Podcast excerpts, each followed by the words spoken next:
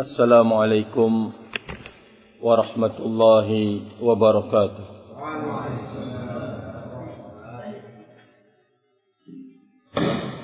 الحمد لله الذي أرسل رسوله بالهدى ودين الحق ليظهره على الدين كله وكفى بالله شهيدا.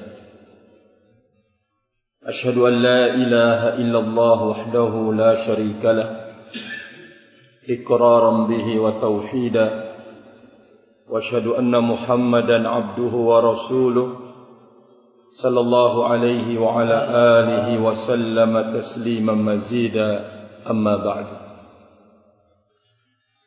فأوصي نفسي أولا وإياكم بتقوى الله فقد فاز المتقون. قال الله عز وجل في كتابه يا أيها الذين آمنوا اتقوا الله حق تقاته ولا تموتن إلا وأنتم مسلمون. Ma'asyiral muslimin yang saya hormati dan yang saya muliakan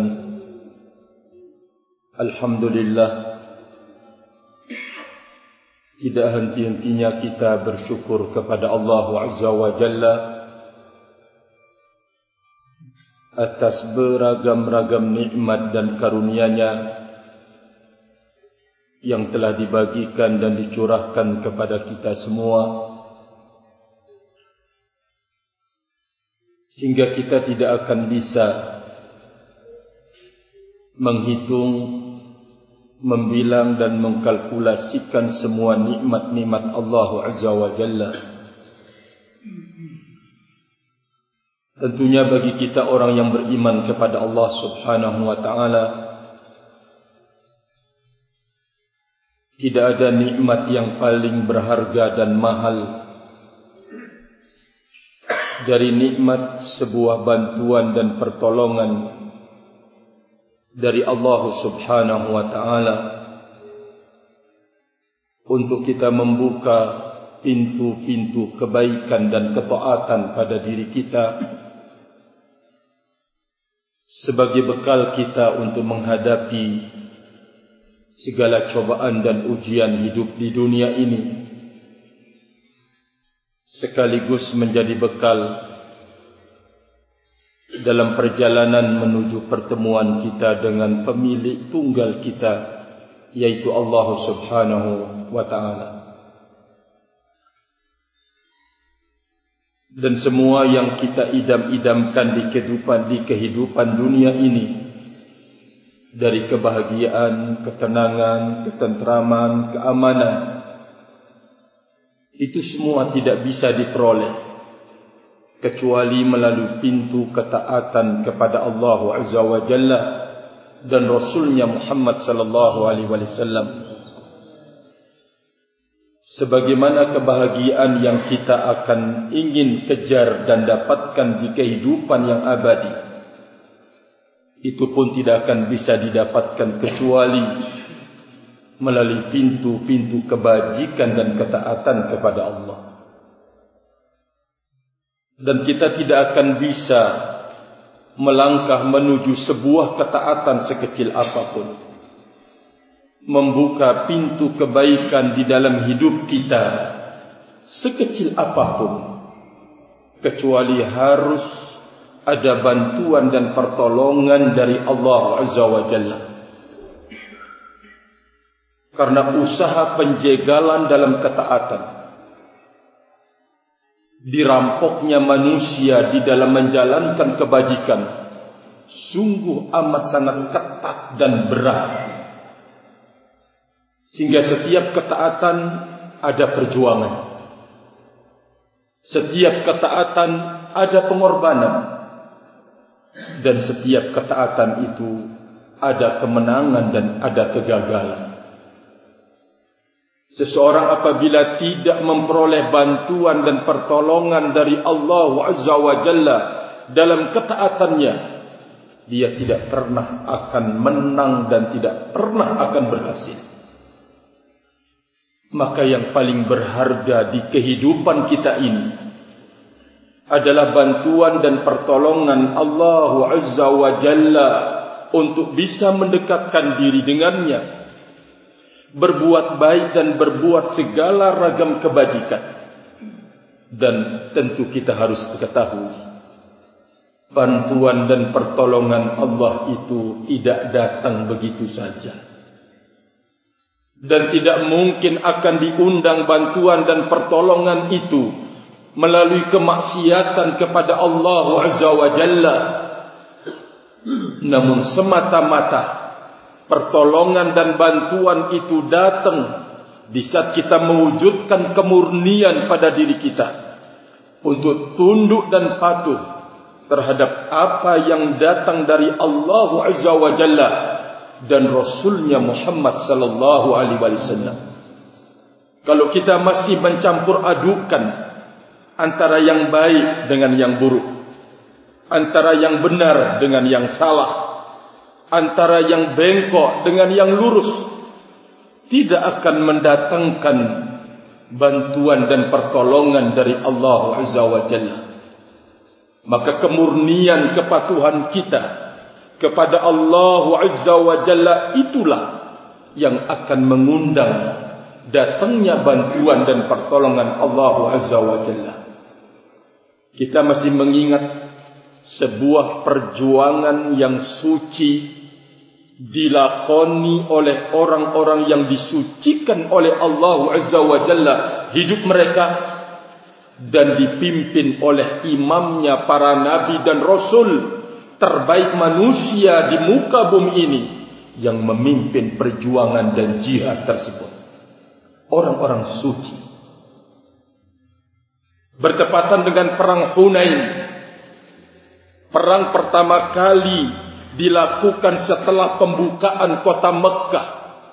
Manusia berbondong-bondong untuk kemudian masuk ke dalam Islam. Sampai Allah Azza wa Jalla mengingatkan Nabi Muhammad sallallahu alaihi wasallam, "Fasabbih bihamdi rabbika wastaghfir."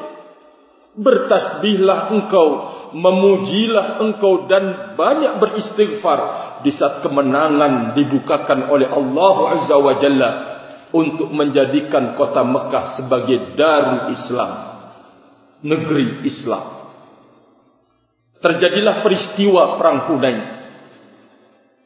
belum pernah perjuangan sebelumnya pasukan muslimin lebih besar dari pasukan orang-orang kafir Sebelumnya mereka selalu mendapatkan kemenangan demi kemenangan.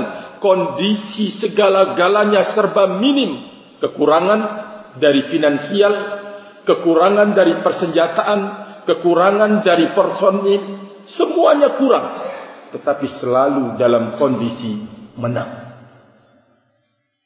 Beda halnya dengan perang Hunain ma'asyiral muslimin. Rahimani wa rahimakumullah agar kita mengerti bahwa ternyata pertolongan Allah itu harus dipanggil, diundang dengan sebuah kemurnian di dalam mengikuti jejak Nabi Ali Shallallahu Wasallam dan mentaati Allah Azza wa Jalla. Terjadilah perang Hunain. Allah Azza wa Jalla di dalam surat At-Taubah bercerita akan kegagalan di babak pertama. Apa yang menyebabkan kegagalan? Karena sebuah kesalahan yang dilakukan oleh sebagian, bukan keseluruhan, sebagian orang yang ikut di dalam peperangan tersebut. Apa kesalahannya ma'asyiral muslimin? Mungkin dalam pandangan kita kecil, tetapi berpengaruh dalam perjuangan yang sangat besar dan suci dipimpin oleh terbaik manusia Nabi kita Muhammad sallallahu alaihi wasallam. Kesalahan dan kesal kekeliruan itu in a'jabatuhum kathratu. Kata Allah Azza wa Jalla. Di saat muncul dari sebagian sahabat Nabi alaihi salatu wassalam perasaan wah perasaan ujub bangga tidak akan dikalahkan ternyata kata Allah Azza wa Jalla banyaknya itu tidak memberikan manfaat sedikit pun agar Allah mengingatkan semuanya itu dengan bantuan dan pertolongan Allah Azza wa Jalla. Ternyata pertolongan itu tidak akan turun dan ditahan oleh Allah Azza wa Jalla di saat ada sesuatu kekeliruan dan kesalahan. Maka oleh karena itu ma'asyiral muslimin kalau kita ingin mengundang selalu di dalam hidup kita bantuan dan pertolongan Allah Azza wa Jalla murnikan ketaatan kita kepada Allah Azza wa Jalla. Ketaatan kita kepada Rasul sallallahu alaihi wa ala alihi wasallam. Inilah yang akan memudahkan bantuan dan pertolongan Allah Azza wa Jalla akan turun. Maka oleh karena itu kita berharap dengan terus dikumandangkannya kajian kemudian kita ramaikan rumahnya Allah Azza wa Jalla lalu kita mencoba berbenah melalui majlis ilmu dan bimbingan-bimbingan ilmu kita berharap walaupun kita tidak bisa mewarnai negeri kita ini secara menyeluruh tetapi kita bisa mewarnai diri kita sendiri untuk selalu mendapatkan bantuan dan pertolongan dari Allah Azza wa Jalla Semoga barakallahu fikum segala upaya dan usaha yang dilakukan oleh Yayasan Batu Hijau untuk terus menghidupkan rumahnya Allah Azza wa Jalla sebagai upaya untuk terus mengundang bantuan dan pertolongan Allah Azza wa Jalla turun. Allahumma amin. Allahumma amin. Ma'asyiral muslimin yang saya hormati dan yang saya muliakan. Kita semuanya menyadari bahwa kita sebagai makhluk yang termulia di muka bumi dan tercipta oleh Allah Azza wa Jalla dengan susunan organ berbeda dengan makhluk yang lain. Allah Azza wa Jalla jadikan semua organ-organ tubuh manusia itu punya nilai baik dan punya nilai buruk sebagai jurang pembeda antara organ-organ tubuh makhluk yang lain. Organ-organ tubuh manusia sampai-sampai persendiannya kata Rasul alaihi salatu wasallam yang terdiri dari 360 persendian lebih itu semuanya setiap hari akan bisa menabung ketaatan dan nilai-nilai kebajikan dari di sisi Allah Azza wa Jalla. Kullu sulama minan nasi alaihi sadaqah. Setiap persendian pada diri manusia itu setiap hari setiap hari dia bisa untuk kemudian mengumpulkan nilai dan pahala sedekah kata Rasul alaihi salatu wassalam maka semua organ kita yang kita miliki ini akan bisa menabung kebaikan dan juga bisa menabung kejelekan. Maka dari semua organ tubuh kita ini ada satu dari organ yang sangat-sangat vital kedudukannya di hadapan organ-organ yang lain bahkan menjadi penentu kebaikan dan keburukan organ yang lain. Saya yakin bapak-bapak kami ikhwani saudaraku mengerti jawabannya. Apa? Jantung. Yang dalam bahasa Arabnya disebut dengan al-qalbu. Jantung adalah sebagai alat yang paling vital di kehidupan manusia karena akan menjadi penentu kebaikan dan keburukan semua organ tubuh manusia. Rahimani wa rahimakumullah. Saya berangkat sebelum saya membahas sesuatu yang sangat penting kaitannya dengan akidah kita. Al-Imam Ibn Al-Qayyim rahimahullahu ta'ala menyebutkan bahawa Al-Qalbu jantung. Kalau bahasa yang sering kita dengar hati jantung. Pada diri manusia bagaikan benteng kata beliau barakallahu yang terus menjadi sasaran lawan dan musuh untuk dirusak.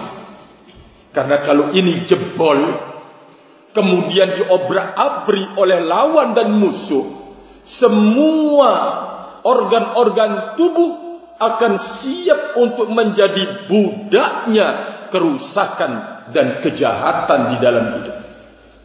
Rahimani wa rahimakumullah. Sebagai sasaran pengerusakan, maka kita an-nafas diri kita ini bagikan penjaga dan pemelihara dari serangan lawan dan musuh tersebut. Kita kata beliau tidak akan mampu memberikan penjagaan dan perlindungan terhadap benteng kecuali di saat kita mengetahui pintu-pintu benteng tersebut.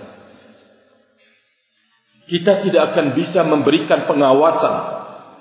Kita tidak akan bisa memberikan penjagaan dan perlindungan terhadap benteng ini kecuali kita harus mengerti pintu-pintu benteng tersebut. Lalu mana pintu-pintunya?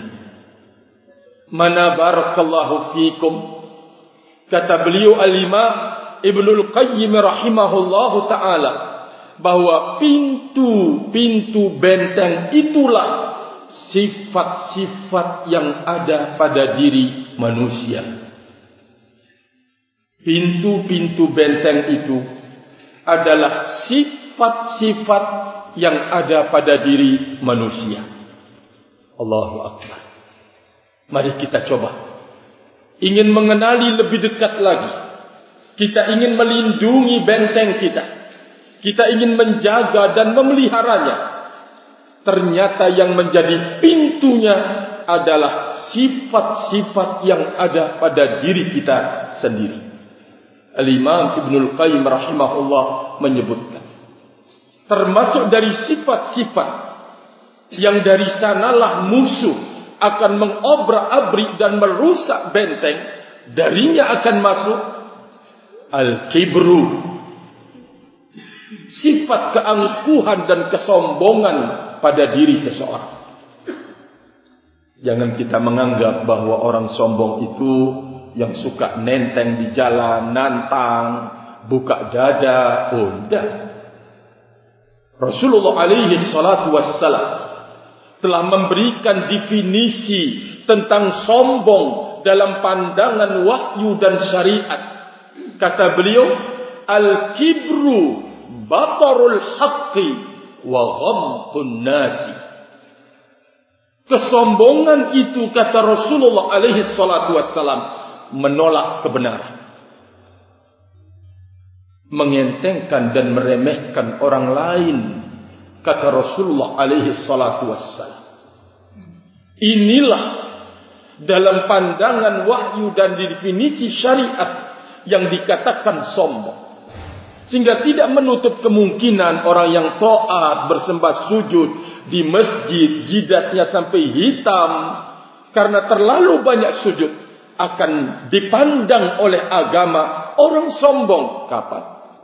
Di saat dia menolak kebenaran barakallahu fikum. Kata nabi alaihi salatu wassalam la yadkhulul jannata man kana fi qalbihi mithlu dzarratin min kibr tidak akan masuk ke dalam surga siapapun yang ada dalam dirinya sebesar biji sawi dari kesombongan kata Rasulullah alaihi salatu wassalam. Maka termasuk dari kesombongan adalah batarul haqqi kata Rasulullah alaihi salatu wassalam menolak kebenaran. Ketika disampaikan kepadanya bimbingan arahan dalil-dalil dia berusaha mengelak berbagai macam alasan uzur didatangkan di dalam hidup tujuannya menolak. Karena mungkin kebenaran itu menjewer dia mungkin kebenaran itu mementung dia mungkin kebenaran itu memalu dia sehingga berusaha mengelak ke sana kemari. Ini yang kita akan sebutkan salah satu sifat dari kaum munafikin di masa yang silam berupaya lari dari kebenaran dan mengangkat hukum yang sesuai dengan hawa nafsunya dan kemauan dirinya sendiri. Sebelum kita ke arah demikian, kita kembali kepada sabda Nabi alaihi salatu wassalam bahwa termasuk dari gambaran kesombongan di dalam hidup menolak kebenaran, meremehkan dan mengentengkan orang lain. Ini tidak boleh ada pada diri seorang muslim. Dan kita harus membuangnya jauh-jauh barakallahu fikum. Karena kita ingin bahagia di dunia dan di akhirat. Tidak akan mungkin menjadi orang yang berbahagia kalau kita menolak kebenaran barakallahu fikum. Para pendahulu kita yang soleh, mulai dari generasi pertama para sahabat Nabi, tabi'in dan atba'ut tabi'in yajuru ma'al haqqi haitsu dara. Mereka terus berjalan, mereka terus hidup, mereka terus barakallahu fikum beredar. Bersama kebenaran. Kemana saja kebenaran itu berjalan ke sana mereka berbondong-bondong untuk berjalan. Wajar kalau bantuan dan pertolongan Allah itu datang. Wajar kalau jawaban makar orang-orang kafir mereka bisa jawab dengan bantuan dan pertolongan Allah Azza wa Jalla. Wajar karena itu mereka mendapatkan kemuliaan hidup, punya kewibawaan hidup, menjadi orang yang menjaya karena mereka selalu memperhatikan kebenaran dan menjaga diri-diri mereka dengan kebenaran barakallahu fikum. Maka termasuk dari sebuah keangkuhan Termasuk dari sebuah kesombongan Yaitu menolak kebenaran Dan mengentengkan orang lain Rahimani wa rahimakumullahu jami'an Ini satu Sifat yang ada pada diri manusia Kerap kali muncul Dalam kondisi dia punya kepentingan Dia permainkan kebenaran dia tidak mau menoleh kepada kebenaran. Dia berupaya lari, loncat sana sini dari kejaran kebenaran karena dia punya kepentingan di dalam hidup. Dia hancurkan ilmu kebenaran yang dia sudah ketahui. Dia mencoba kemudian untuk merusak kebenaran yang dia sudah ilmui untuk mengejar kepentingannya barakallahu fikum. Sungguh ini adalah malapetaka karena ini termasuk dari pintu yang setan akan selalu masuk kepada diri kita sendiri. Sehingga kan jangan heran. Ketika ada orang yang menyuarakan kebenaran, kita menganggap, oh sok suci. Keluar kata-kata seperti itu. Orangnya kok sok suci. Orangnya mau memiliki surga seorang diri. Mau ini, mau itu semuanya label-label diberikan kepadanya. Padahal asalnya dia tidak mau kebenaran.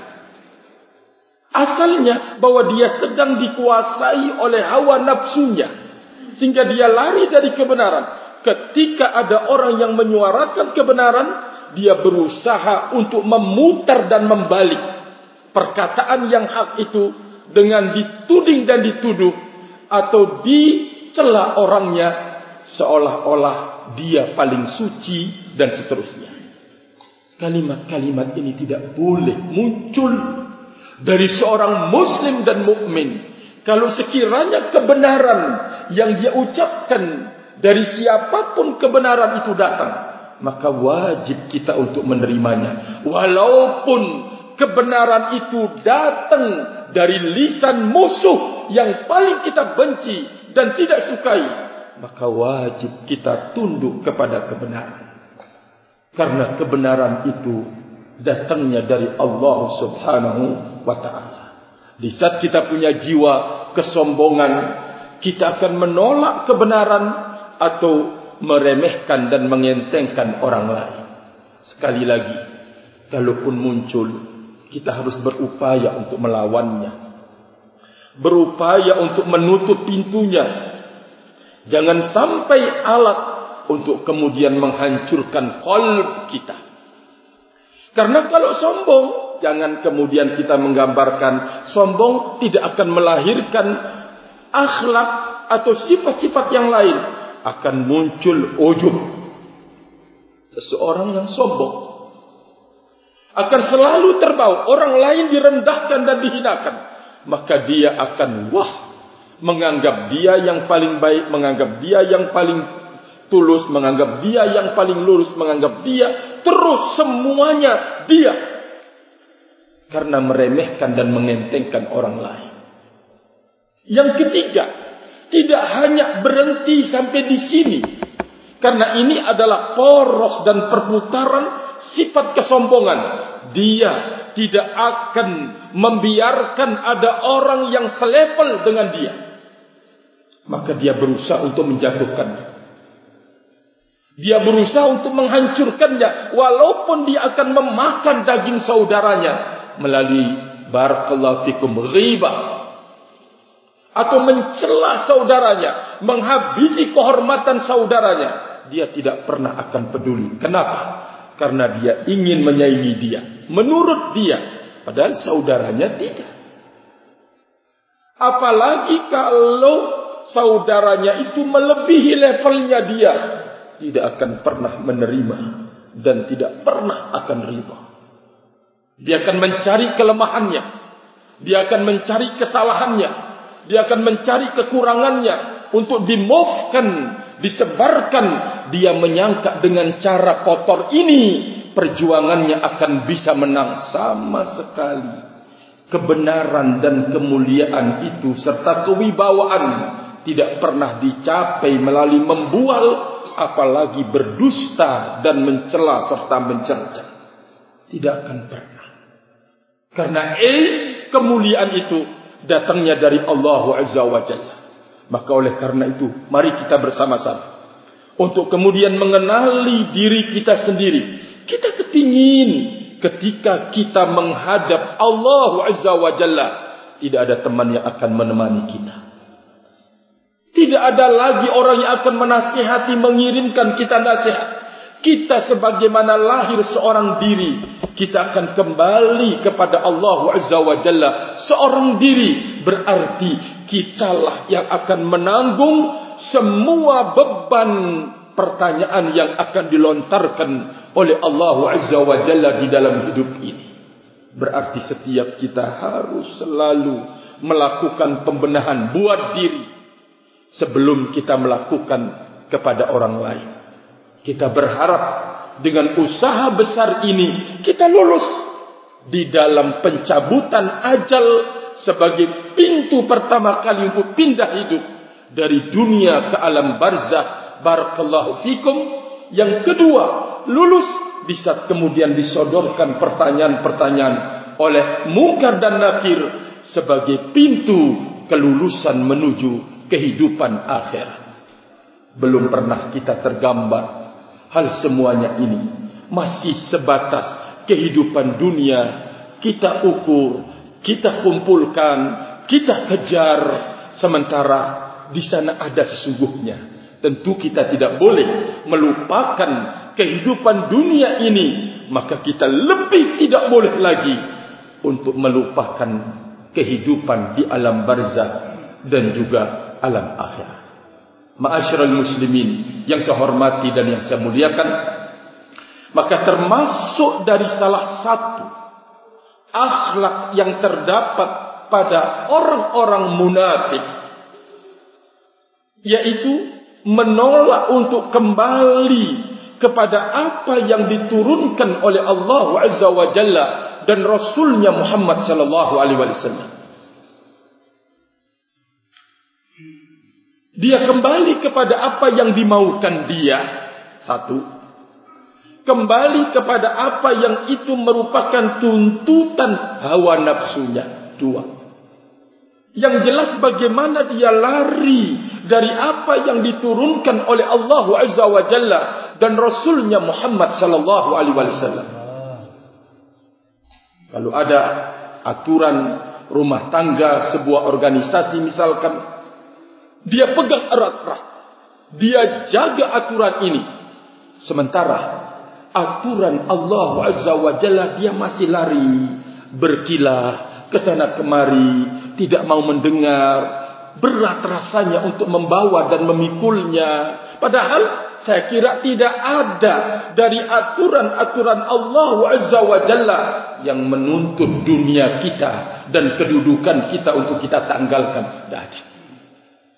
Rahimani wa rahimakumullah. Tidak perlu dibayar. Dan tidak ada aturan pembayaran sama sekali. Semuanya adalah ketundukan dan kepatuhan kita yang akan dibayar oleh Allah Azza wa Jalla dengan bayaran yang sangat mahal kalau kita benar-benar tunduk dan patuh terhadapnya barakallahu fikum maka oleh karena itu Allah Azza wa Jalla menjelaskan salah satu dari sifat munafikin di dalam firman-Nya wa idza qila lahum dalam surat An-Nisa wa idza qila lahum ta'alu ila ma anzalallahu wa ila rasuli ra'aital munafiqin yasudduna 'anka sududa. Kata Allah azza wa jalla apabila dikatakan kepada mereka ayo kalian kemari kita kembali kepada apa yang diturunkan oleh Allah azza wa jalla dan diturunkan oleh Allah kepada rasulnya apa kata Allah Azza wa Jalla? Anda akan menyaksikan dan melihat orang-orang munafik berupaya untuk menjegal engkau dengan sekuat-kuatnya wahai Rasul Allah. Masyarul muslimin yang saya hormati. Mari kita mencari. Mencari tahu tentang diri kita. Adakah sifat-sifat ini pada diri kita atau alhamdulillah kita bersih padanya? Yaitu bahwa termasuk dari sifat an-nifaq kemunafikan adalah tidak mau kembali untuk kemudian berpegang dihukum dengan hukum Allah Azza wa Jalla dan Rasul alaihi salatu wassalam.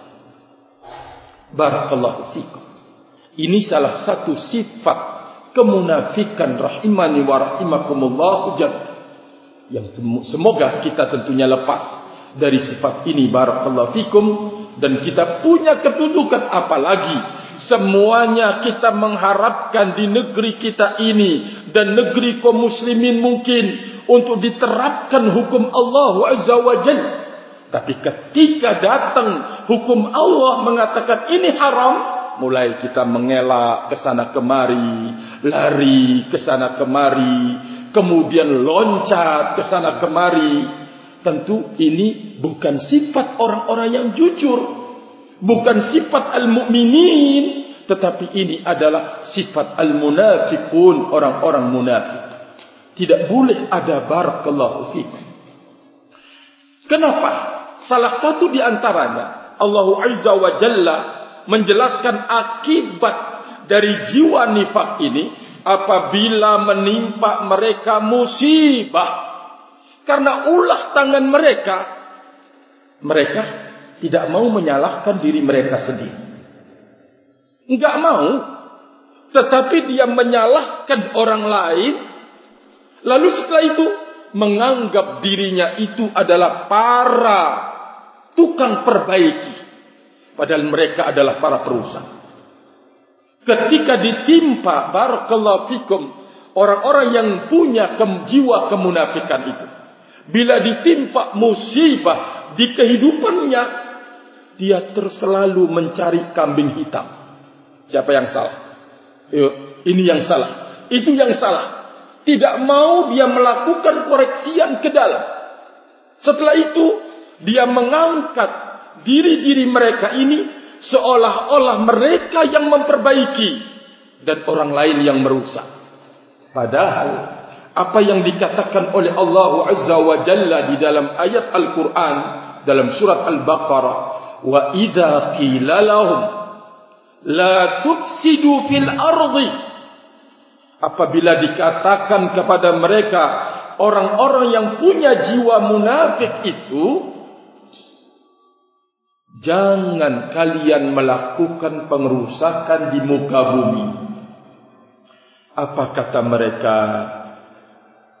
sesungguhnya kami ini adalah orang yang melakukan perbaikan.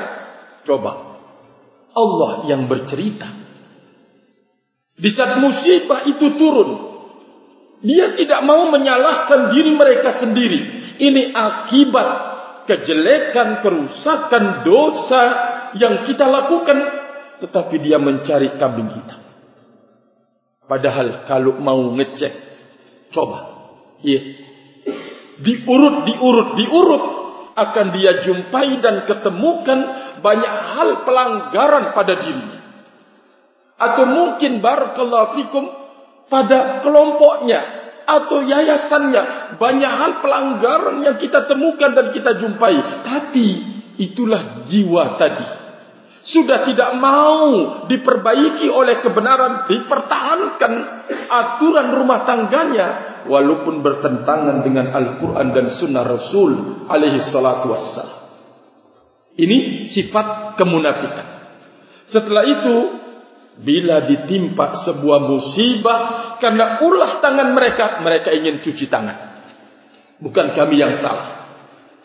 Setelah itu menampilkan diri menjadi orang yang tukang perbaiki. Kami yang memperbaiki. Allahu Akbar. Padahal kata Allah Azza wa Jalla, mereka itu sesungguhnya melakukan kesalahan.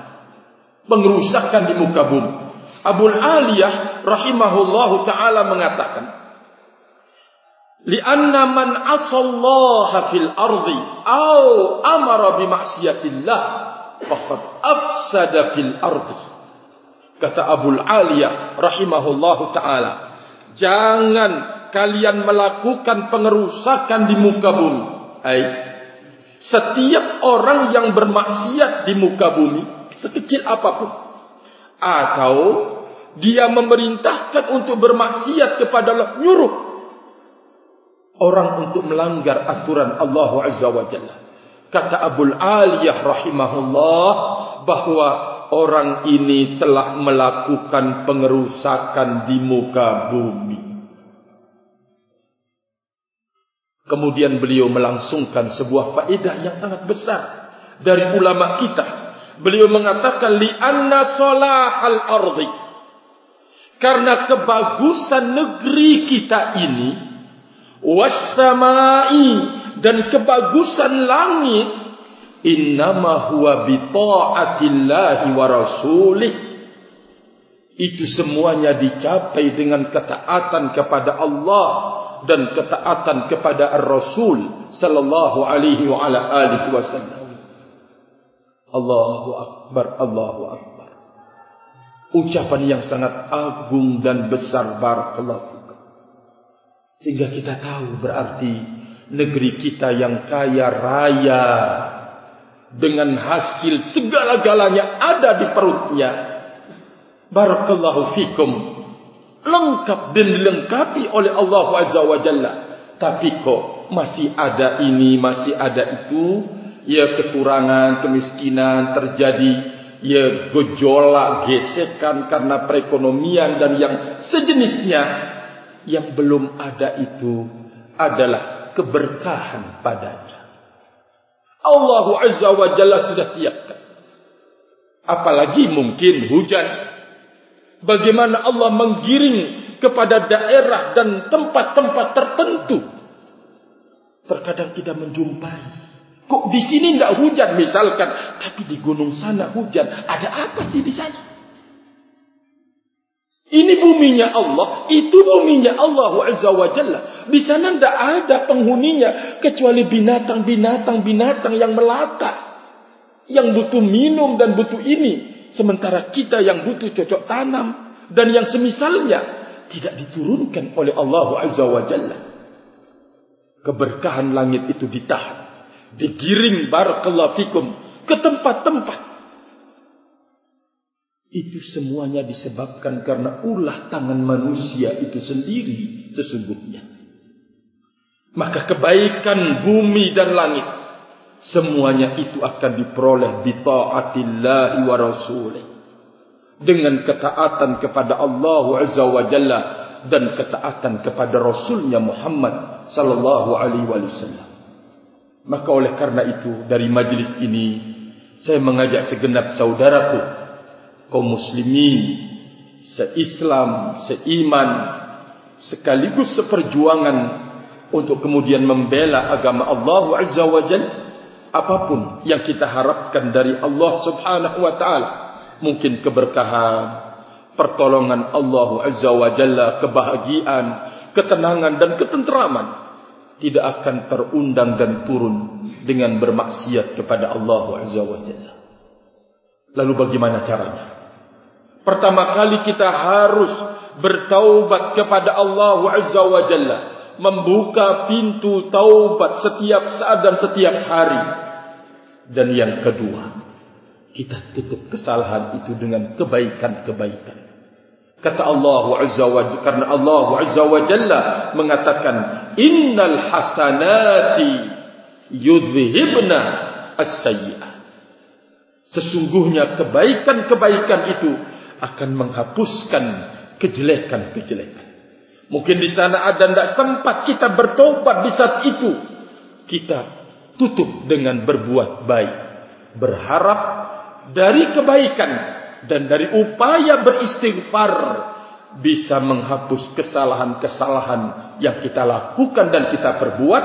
Berharap setelah itu bantuan dan pertolongan Allah Azza wa Jalla dimanapun kita berada dalam kondisi apapun dan bagaimanapun selalu menyertai kita berarti kita kuat dengan pertolongan dari Allah. Kita menang karena pertolongan dari Allah. Kita bahagia, tenteram semuanya karena pertolongan dari Allah Azza wa Jalla. Ini yang harus kita jaga dan ini yang harus kita pelihara. Wallahu taala alam bisawab. Wallahu taala alam bisawab. Mungkin ini yang bisa saya sampaikan pada kesempatan kali ini. Semoga ada bermanfaat, semoga bermanfaat buat diri saya sendiri dan segenap saudaraku kaum muslimin yang hadir di majlis ini. Barakallahu fikum. Allahumma amin, Allahumma amin wa akhiru da'wana alhamdulillah.